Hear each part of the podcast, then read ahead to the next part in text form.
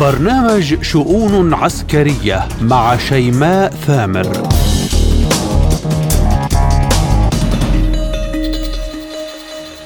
ملفات عسكرية وشؤون جديدة من وكالة سبوتنيك الإخبارية بموسكو. أقدمها لكم أنا شيماء ثامر أستهلها بأبرز العناوين. الرابع والعشرون من فبراير عام على بدء العملية العسكرية الخاصة في أوكرانيا. عام تغيرت فيه الكثير من المواقف والسياسات عام شهد فرض عقوبات من قبل الغرب على موسكو ليتبين فيما بعد أن أوروبا تعاقب نفسها بتلك القرارات. إيدكس 2023 معرض الدفاعات في أبو ظبي حلة جديدة من التكنولوجيا العسكرية. تحية طيبة من جديد وإلى تفاصيل ملفاتنا وأبرزها لهذا اليوم. الرابع والعشرون من فبراير شباط لم يعد تاريخا بسيطا في تقويم السنوات لدول العالم وحتى للتاريخ بصورة عامة.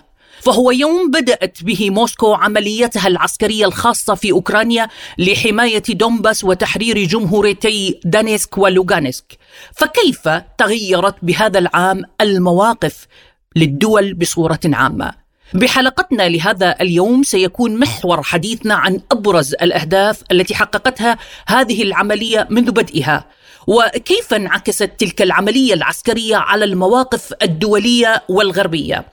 الغرب عازم على تصوير أن موسكو شبح قادم لتدمير الدول في وقت يتم فيه غض البصر بطريقة متعمدة عن ما تقوم به دول الناتو من ضخ للاسلحه والإمدادات العسكرية. روسيا ومنذ اليوم الأول أكدت أنها عملية عسكرية خاصة محددة الأهداف ومحددة الزمن بينما واشنطن وحلفائها يسعون جاهدين لإطالة أمد الصراع ويطلقون عليها الحرب الروسية على أوكرانيا زيارة بايدن إلى كييف قبل يومين أو أكثر لم تكن سوى رسالة يحاول إرسالها إلى موسكو مؤكدا دعمه اللامحدود لكييف ومعلنا عن حزمة جديدة من المساعدات العسكرية. الرئيس الروسي فلاديمير بوتين بخطابه الأخير أكد أن موسكو ماضية في تحقيق أهدافها المحددة من العملية العسكرية الخاصة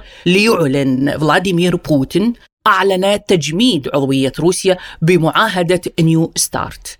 اليوم بحلقتنا سنسلط الضوء على كل هذه الملفات واستقبل معي عبر الهاتف ضيوفي الضيف الأول من مصر الخبير العسكري اللواء سمير فرج ومن العراق الخبير العسكري الاستراتيجي الدكتور أحمد الشريفي ومن سوريا أيضا الخبير بالعلاقات الدولية الدكتور بشير بدور. أحييكم ضيوفي الكرام بشؤون عسكرية. بهذه الحلقة الاستثنائية أبدأ معكم سيادة اللواء سمير فرج وأشكرك على تلبية الدعوة. بداية سيادة اللواء، اليوم هو عام على بدء العملية العسكرية الخاصة في أوكرانيا. هذه العملية تمخضت آه، فيها وعنها الكثير من الاستراتيجيات الجديدة بالعالم بشكل عام وقرارات غيرت فيه الكثير من الدول من استراتيجيتها وتحالفاتها العسكرية. سيادة اللواء كخبير عسكري استراتيجي آه، كيف تقرأ الأهداف التي حققتها العملية العسكرية الروسية الخاصة في أوكرانيا منذ بدئها أه، بالنسبة للسؤال الأول كيف نقرأ خطوات العملية الروسية على مدار العام الذي تم إحنا كعسكريين دايما بنقول أن النتيجة بالهدف الذي كان. الهدف العملية الهجومية والهدف العملية الهجومية في البداية الروسية كانت بهدف منع أوكرانيا من أن تنضم إلى أه، حلف الناتو هل اتحقق؟ اتحقق. وأيضا حققت روسيا إنها استولت على أربع مقاطعات وأضافت لها 20% من الأرض الأوكرانية. اذا بالتالي أقول إن خلال عام نجحت القوات الروسية أن تحقق أهداف العملية التي قامت بها يوم 24 آه، فبراير 2022 أنتقل إليكم دكتور أحمد ومن بغداد يعني دكتور أحمد الشريفي سيادة اللواء يرى أن أهم الأهداف اللي حققتها العملية العسكرية الروسية الخاصة هو منع دخول أوكرانيا لحلف الناتو. من وجهة نظركم دكتور أحمد كيف تقرأ أبرز أهداف تلك العملية العسكرية التي حققت لحد الآن؟ الله الرحمن الرحيم لا شك أن العملية الخاصة كانت لها أهمية بالغة جدا فيما يتعلق بسد الثغرة لتحقيق الأمن القومي في منطقة تصنف أنها خاصرة رخوة في الجغرافيا الروسية وتحقيق التماس عبر دونباس مع شبه جزيرة القرم حقق عمقا, استراتيجيا جغرافيا ضامنا لدور روسي واعد في إدارة الصراع مع الغرب وبالتحديد مع الولايات المتحدة. لا سيما في ظل تنامي حرب الطاقة والطلب على الغاز الذي هو بالحقيقة في قبضة آه، الروس. والذي يمثل الطاقة البديلة عن البترول. آه، وهذه بالحقيقة معادلة مهمة جدا. تدفع إلى تعزيز الدور الروسي على مستوى الجغرافيا الضامنة للأمن القومي وإمكانيات جديدة في إدارة الصراع على مستوى التوازنات الدولية. طيب سيادة اللواء أعود لكم. يعني زيارة بايدن إلى كييف بهذا التوقيت. من الناحية العسكرية الاستراتيجية الكل يرى أن هذه الزيارة ترتبت عليها الكثير من الرسائل. وإن صح التعبير بالإنجليزية ماني أه، سؤالي لكم عسكريا أه، كيف تقرأ تلك الزيارة ورسائلها؟ بالنسبة بالنسبة لزيارة جو بايدن إلى أوكرانيا هذه الزيارة هي زيارة دعائية إعلامية لرفع الروح المعنوية إلى أوكرانيا. أما إنها أنه آه، آه، قرر دفع أسلحة ودعمها بأسلحة جديدة لأوكرانيا فده عادي هو كان ممكن يعملها وهو هناك. إنما هي كانت زيارته للشعب الأوكراني إن أمريكا واقفة مع أوكرانيا وحلف الناتو وإن إحنا هندعمكم في العملية ضد الاتحاد روسيا وإن إحنا هنقف معاكم في الفترة القادمة خاصة إن روسيا ونوقف عمل. ولذلك لا نعطي لهذه الزيارة أكثر من حجمها أنها زيارة لرفع الروح المعنوية والدعم المعركي آه، لسلوزينكي وللشعب الأوكراني. أكثر من ذلك ليست لها آه، أي قيمة. وزي ما قلت حتى الأسلحة التي تم تدعيمها فهي كلها أسلحة صحيح هجومية لكن أعداد صغيرة. إيه يعني لما أقول إن آه، إن أوكرانيا هيجي لها 150 دبابة في الفترة القادمة؟ فده لا يمثل شيء. طيب دكتور أحمد هل ترى أن لهذه الزيارة هناك أبعاد أخرى آه، تشير لها تلك الزيارة؟ الزيارة بالحقيقة كانت ذات أبعاد وتأثيرات إعلامية أكثر مما هي ذات تأثيرات تعبوية مؤثرة في الميدان، فضلا عن إنها لا تخلو. من رغبة لرفع المعنويات لحليف الولايات المتحدة الأوكراني في ظل تحديات كبيرة يعيشوها الأوكران على مستوى الميدان. واتضاح حقيقة مؤداها اللا جدوى من الدعم التسليحي لما تمتلكه روسيا من قدرات في المواجهة والاشتباك برا والسيادة المطلقة جوا التي أطاحت بكثير من الفعاليات والنشاطات التي كانت عبر تأمين مصادر السلاح من من الغرب أو من الولايات المتحدة، فاذا هي لم تغير المعادلة عسكريا على الأرض ولا زالت آه، روسيا تسيطر على الميدان وتسيطر آه، سواء كان في البر والجو. والزيارة من حيث التقييم هي زيارة استعراضية. لا تخلو أيضا من ضغط من داخل الولايات المتحدة وأراد بشكل أو بآخر الرئيس الأمريكي أن آه، يعني يقوم بنشاط يحقق فيه أهداف متعددة رفع المعنويات إيجاد ضواغط على روسيا. فضلا عن آه، لا تخلو من رسائل إلى الداخل الأمريكي أنه إحنا يعني نقتحم مواطن المواجهة والاشتباك ولا زلنا لا نخسر في الميدان ولكن المعطيات تشي إلى أن العمليات الخاصة آه، لا زالت فاعلة ومؤثرة وهي في تقدم وهناك انحسار بالحقيقة للدور آه، الأوروبي والدور الأمريكي في دعم أوكرانيا ولذلك هي في حالة تراجع وانهيار. وينضم معنا من سوريا الآن دكتور بشير بدور الخبير بالعلاقات الدولية. أحييكم دكتور وأشكرك للانضمام معنا.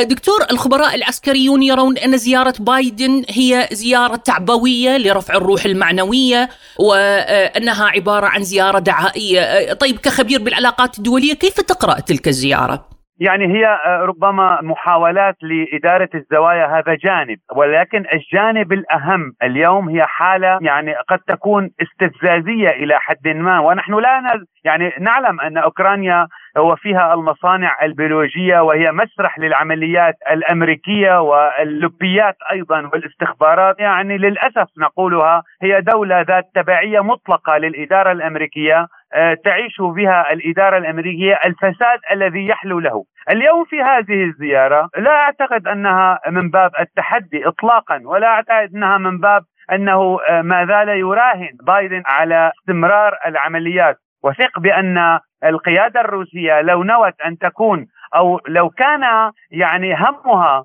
أن تكون على الحدود الغربية لدولة أوكرانيا لفعلتها منذ يعني آه، اللحظات أو الأشهر الأولى من بدء العملية العسكرية، لكن كما ذكرت يعني آه، لا زيارات بايدن ولا آه، لوسي عندما زارت التايوان تستطيع أن آه، أن تستفز الصين ولا زيارة بايدن يستطيع أن يستفز الدولة الروسية، الدولة الروسية اليوم تتحكم بمفاصل الإنسانية والعلاقات الدولية المبنية على الاحترام والتبادل القانوني وليس على الأطماع والجشع ونشر الإرهاب وما إلى ذلك من من سياسات هي من جينات الإدارة الأمريكية في التخريب والإرهاب، اذا الإدارة الروسية اليوم تعي ما تعمل ولا تستفز من زيارة أو حتى من تصريح أو ما إلى ذلك، هذا الأمر يعني أصبح مقروءا للمعمورة بشكل عام، اذا هي ربما من باب يعني تدوير الزوايا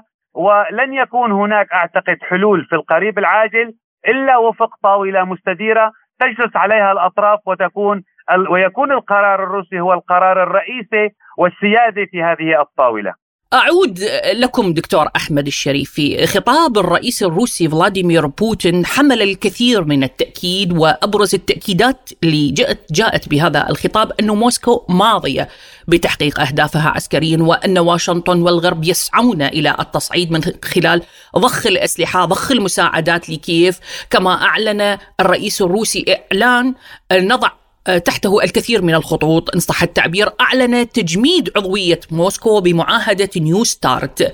البعض تصور أن روسيا انسحبت من تلك المعاهدة وأن موسكو ستلجأ إلى استخدام السلاح النووي. آه، كيف تنظر إلى قرار موسكو بتجميد عملها بهذه المعاهدة؟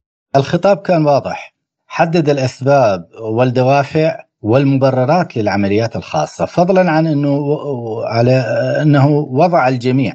أمام حقائق تمثل استحقاقات للداخل والخارج وكذلك الإشارة إلى ثوابت في استراتيجية إدارة المعركة التي لن تقبل بتسويات أو مساومات على حساب الأمن القومي الروسي. الانسحاب من المعاهدة هو إعلان عن استعداد للتصعيد المقابل قبال أي تصعيد أمريكي وأعتقد أن الولايات المتحدة التقطت الرسالة آه، لا سيما في ظل آه، تفوق نووي روسي واضح على مستوى ترسانة السلاح وعلى مستوى آه، قدرات الردع الاستراتيجية آه، بالمقابل مع الولايات المتحدة. وهناك واضح جدا تردد من قبل الولايات المتحدة في تبني خيار التصعيد. لذلك الانسحاب بحد ذاته هو رسالة. علما هو ليس يعني انسحابا وإنما هو أقرب إلى آه، مبادرة التجميد. ومعنى ذلك أنه كانت الرسالة أيضا الروسية فيها نوع من الهدوء والتصعيد. المتزن غير المنفعل. أه، نعم دكتور بشير كخبير بالعلاقات الدولية كيف تقرأ القرار الروسي ودلالاته من الناحية الدولية يعني؟ نعم علما ان أنت تعلم يعني أه، هذه المعاهدة التي تقضي بتحديد أه، موضوع الرؤوس النووية وغيرها وكان متفق عليها وكانت الدولة الروسية حاضرة في هذه الاتفاقية لئلا يكون هناك يعني تنازعا أكثر على المستوى الدولي في نشر النووي و امتلاك الصواريخ ذات البعد أو المدى الجغرافي أكثر. كانت يعني وفق ما نصت هذه الاتفاقية يعني تعطي مدلولا ايجابيا. أما عندما يعني طلعت القيادة وعلى رأسها سياده الرئيس بوتين بمضمون أن اللعب بهذه الاتفاقية سيغير آه، على الأقل لا أقول امتلاك أو آه، الاستحواذ على مفاعيل أكثر أو على قوى نووية أكثر كان هناك ردا إيجابيا وردا ليس فقط ايجابيا إنما هو من باب الحماية الدولية أكثر بألا يكون هناك كسر عظم للإدارة الروسية أو للرئيس بوتين، لذلك كان قرار الانسحاب منطقيا في هذا الإطار وليكن ما يكن، إذا كنتم تريدون وهذا أعتقد لسان حال القرار الروسي، إذا كنتم تريدوها حرب فنحن جاهزون وإذا كنتم تريدوها سلم فهذه الاتفاقية موجودة لضمان الأمان والسلم الدوليين الذي نحن كدول عظمى وأتحدث بلسان القرار الروسي آه، نرعى هذا الأمر أما اليوم عندما شعر أو شاهد بأن هناك انفلات نوعا ما وإدارة ظهر وتبريرات ربما خبيثة من قبل الإدارة الأمريكية كان الموقف ايجابيا بالانسحاب والتهديد من هذه الاتفاقية. آه، أرجع لكم سيادة اللواء سمير فرج. من بين النقاط التي آه، أشار لها الرئيس الروسي بخطابه أن روسيا لن تتراجع وأنها ماضية بتحقيق أهدافها وأنه بالوقت الحالي العملية العسكرية مستمرة. ميدانيا أتحدث معكم كخبير عسكري. كيف تنظر إلى الخطوات الميدانية للعملية العسكرية الخاصة وإلى الخطة في قادم الأيام وإن صح التعبير بالربيع القادم؟ خطاب آه، الرئيس بوتين الأخير أعتقد أنه أكد على إن روسيا لن تتراجع في مهمتها وأنا بايد هذا الكلام لأن لا يمكن تكون روسيا قامت بكل هذه الحرب وفي النهاية تتراجع. الحاجة الثانية أنا بؤيد كيسنجر لما قال إن هذه الحرب لم تخرج روسيا فيها مهزومة ابدا ولا أمريكا ولا حلف الناتو ولذلك أنا طبعا برى إن إن روسيا طبعا هتستمر في هذه العملية وإن إحنا بنتوقع شتاء صيف أو ربيع ساخن الفترة القادمة. وأعتقد إن روسيا هتبدأ تنفذ ضربات هجومية قوية مع الربيع القادم إذا فشلت أي مباحثات سلام سلام قادمة ما بين روسيا وأوكرانيا. وأعتقد ده الحل الوحيد لأن روسيا إذا لم تحدث اتفاقية سلام فمع بدء الربيع القادم هتبدأ تنفذ ضرباتها القوية. وتقديري الشخصي أن الضربات القوية الروسية في القادم هتبقى لسرعة احتلال أوديسا. طبعا دي هتعمل خسائر كبيرة جدا في الجانب الأوكراني إنما لو نجحت روسيا بتوجيه هذه الضربة فهتحرم أوكرانيا أن يكون لها ألا يكون لها منافذ على البحر لأن بحر أوزيف خلاص ضاع من أوكرانيا. وإذا استولت على أوديسا يبقى منعت أوكرانيا من وجودها على البحر الأسود وهتبقى ضربة قاسمة في الفترة القادمة. وقد توجه أوكرانيا أيضا آسف روسيا بضربة قوية إلى كييف بهدف إسقاط النظام ودي هتبقى في مرحلة تانية لكن أنا بعتقد إن المرحلة الأولى هتبقى سرعة الاستيلاء على أوديسا وإجبار الأوكران على الدخول في موحدات سلام لإنهاء هذه العملية التي أصبحت تؤثر على العالم كله. قبل أن أختتم معكم دكتور أحمد كيف أثرت العملية العسكرية الروسية الخاصة وإن صح التعبير الملف الروسي الأوكراني على استراتيجيات دول العالم إن كان في أوروبا العالم العربي الشرق الأوسط هل بالفعل ساهمت العملية العسكرية الروسية بتغيير استراتيجيات وتحالفات دولية؟ العملية في أوكرانيا ستمهد وهذا مهم جدا ستمهد لنظام دولي جديد متعدد الأقطاب وهذا الأمر كانت تحذر وتخشاه الولايات المتحدة بشكل كبير جدا. وسيرسم معادلة طاقة جديدة تكون فيها روسيا فاعلة ومؤثرة لا سيما في ظل تحكمها بالغاز الطبيعي الذي يمثل البديل عن البترول. ومعنى ذلك أن الندية بل التفوق قد يتحقق على مستوى إدارة صراع الطاقة قبال الهيمنة الأمريكية على البترول لأن يعني سوق البترول يتراجع لصالح سوق الغاز. ومعنى ذلك أن سوق الغاز واعد أكثر وهو الذي تتحكم به روسيا. فضلا عن المؤثرات التي حصلت في منطقة الشرق الأوسط التي توصف أنها منطقة ضامنة للأمن القومي الأمريكي وأنها جزءا لا يتجزأ من أمنه القومي بدأ التمدد الروسي واضح بل حتى الحليف الصيني في هذه المنطقة وبدأ المجال الحيوي للولايات المتحدة يتصدع أمام هذه المناورة. ففي تقديري القضية في أوكرانيا ما كانت قضية صراع داخلي أو للحفاظ على عمق استراتيجيا وإنما هي ستخلق نظاما دوليا جديدا متعدد الأقطاب. بنفس السؤال أتوجه لكم دكتور بشير، كيف تقرأ تأثير العملية العسكرية على العلاقات الدولية؟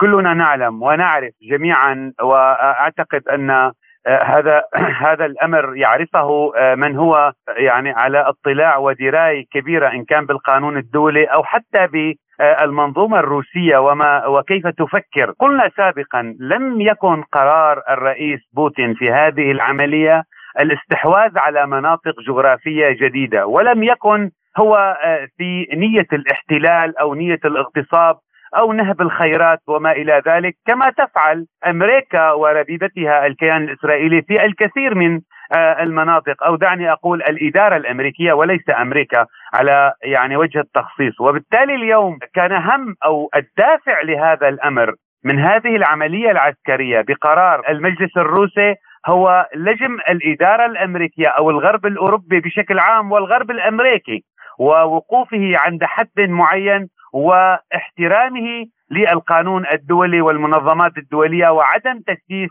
هذه المنظمات وهذه المواد الدولية، لماذا؟ أيضا هنا السؤال، لماذا كان هم القرار الروسي هو لجم الإدارة الأمريكية ووقفها عند حدها لئلا تتغطرس أكثر وبالتالي آه، تنتزع الصفة القانونية من الحالة الدولية ونعود بالأمر إلى مربع الحرب العالمية الثانية وشريعة الغاب وحكم القوي على الضعيف. اذا هي عملية اليوم أعطت وأفرزت نتائج هامة جدا ربما يعني آه، أوقفت المد الإجرامي من الإدارة الأمريكية والسياسات المغلوطة المبنية على الطمع والجشع هذا جانب، الجانب الآخر أعطت انقساما دوليا بمعنى يعني بعيدا عن الأحادية هذا أيضا جانب آخر. والجانب الأهم أننا اليوم آه، ربما وأقولها ولو أنها ما زالت ضبابيه بعض الشيء أعطت توازنا دوليا لكفتي ميزان في هذه المعمورة في إطار طبعا التحدي في إطار الحالة القانونية يعني لم اليوم الاتحاد الروسي لم يتحدى الإدارة الأمريكية بغية الحرب إنما بغية العمل على الإنسانية واحترام القوانين والأنظمة الدولية التي تراعي السلم والأمن الدوليين في آن واحد. أه، ضيوفي عبر الهاتف من مصر الخبير العسكري اللواء سمير فرج ومن العراق الخبير العسكري الاستراتيجي الدكتور أحمد الشريفي ومن سوريا الخبير بالعلاقات الدولية الدكتور بشير بدور كنتم معي ضيوفا كراما بشؤون عسكرية بحلقة أه، سلطنا فيها الضوء على محاور عديدة متعلقة بالعملية العسكرية الخاصة في أوكرانيا شكرا لكم وحياكم الله.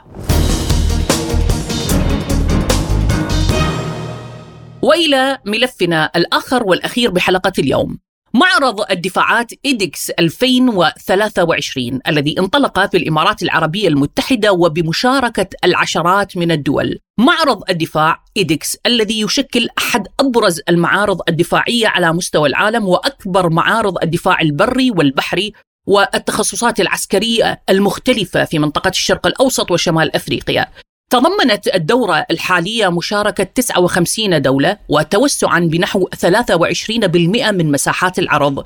بالتأكيد كانت لروسيا مشاركة لافتة بهذا المعرض عرضت روسيا الأسلحة الخفيفة والثقيلة الطائرات المسيرة المروحيات إضافة إلى المركبات المدرعة أسلحة الدفاع الجوي ومحطات المراقبة الأرضية. كما عرضت مجموعة من أنظمة الدفاع الجوي التي يمكنها التكامل داخل منظومة واحدة والعديد من التقنيات العسكرية الروسية. كانت مشاركات عربية لافتة من جمهورية مصر العربية الإمارات العربية المتحدة وغيرها من الدول العربية.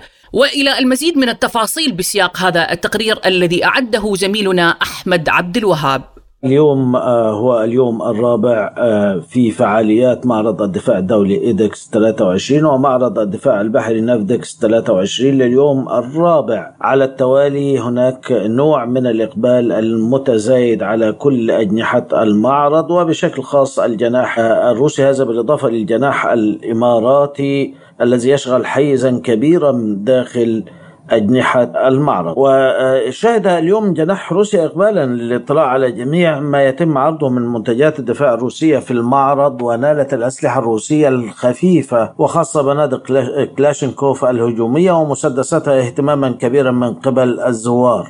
كما حرص زوار المعرض أيضا على الاطلاع على تفاصيل الأسلحة الروسية الثقيلة سواء التي تم عرض نماذج منها أو التي تم عرضها بأحجامها الحقيقية كما قدم المسؤولون على الجناح الروسي. عرضا يظهر تكامل أنظمة الدفاع الجوي الروسي وقدرتها على العمل معا لتكوين نظام دفاع جوي متعدد الطبقات. يمكنه اعتراض جميع الأهداف الجوية البعيدة والمتوسطة والقصيرة والقصيرة جدا. وشهدت أجنحة المعرض استمرار توافد الزوار ففي الجناح الصيني تعرض الصين مجموعة ضخمة من أسلحتها أبرزها الأنظمة الدفاعية والطائرات المسيرة والطائرات المقاتلة. أما الجناح التركي فقد شهد هدوءا نسبيا في الإقبال على صالات العرض الخارجية التي تضم المروحيات والطائرات المسيرة بينما واصل الزوار الاطلاع على منتجات السلاح التركي في صالات العرض الداخلية التي ضمت مجموعات متنوعة من المدرعات والأسلحة الخفيفة. أما في الجناح الإماراتي استمر توافد الزوار على صالاته المختلفة التي تنوعت عروضها وشملت روبوتات وطائرات مسيرة وأسلحة خفيفة ومركبات مدرعة. إضافة إلى العروض الخارجية في معرض الدفاع البحري نافديكس 23 التي آه، ضمت العديد من الوحدات البحرية.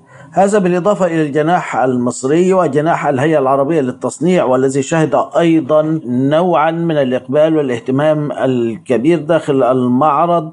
واستمرار توافد الزوار والوفود العسكرية من العديد من الدول للاطلاع على منتجات الصناعات الدفاعية المصرية التي تشمل منتجات وزارة الإنتاج الحربي والهيئة العربية للتصنيع. تشارك مصر بمجموعة ضخمة من الأسلحة الخفيفة والثقيلة والذخائر بمختلف الأعيرة النارية إضافة إلى المركبات المدرعة وأنظمة الحرب الإلكترونية والقنابل والألغام ومعادن التدريع ووسائل الدعم اللوجستي التي تشمل أزياء التمويه وسترات الحماية من الرصاص. وبصورة عامة فإن الإقبال لا يزال مستمرا بصورة كبيرة من الوفود الدولية التي تشارك في المعرض سواء للاطلاع على المنتجات ومتابعة أحدث ما وصلت إليه الصناعات الدفاعية في العالم أو لعقد صفقات خاصة حيث أن الحصيلة التي تم الإعلان عنها لإجمالي صفقات إيدكس 23 ونافدكس 23 في نهاية اليوم الثالث تجاوزت 18 مليار درهم أي نحو 5 مليارات دولار أمريكي حتى الآن. ولا يزال هناك آه، مزيد من الوقت في اليوم الخامس للمعرض والمستمر غدا الجمعة حيث سيختتم المعرض فعالياته. يرى البعض أو الكثير من المراقبين أن هذا المعرض هو آه، ربما يكون نسخة استثنائية تشهدها أبو ظبي نظرا للإقبال الكبير عليه جماهيريا وأيضا الإقبال من جانب العارضين. إلى هنا أصل وإياكم مستمعينا الكرام لختام حلقتنا لهذا اليوم رافقتكم بها من وراء الميكروفون محدثتكم شيماء ثامر وشاركني في إعدادها الزميل محمد جمعة. شكري موصول لضيوفي بهذه الحلقة كل من الخبير العسكري الاستراتيجي اللواء سمير فرج والخبير العسكري الاستراتيجي الدكتور أحمد الشريفي والخبير بالعلاقات الدولية الدكتور بشير بدور كما شاركنا مراسلنا الزميل أحمد عبد الوهاب من معرض إيدكس للدفاع. الدفاعات 2023 بتقرير مفصل. للمزيد يمكنكم زيارة موقعنا الإلكتروني arabicsputnik.ae دمتم بأمان الله وحفظه.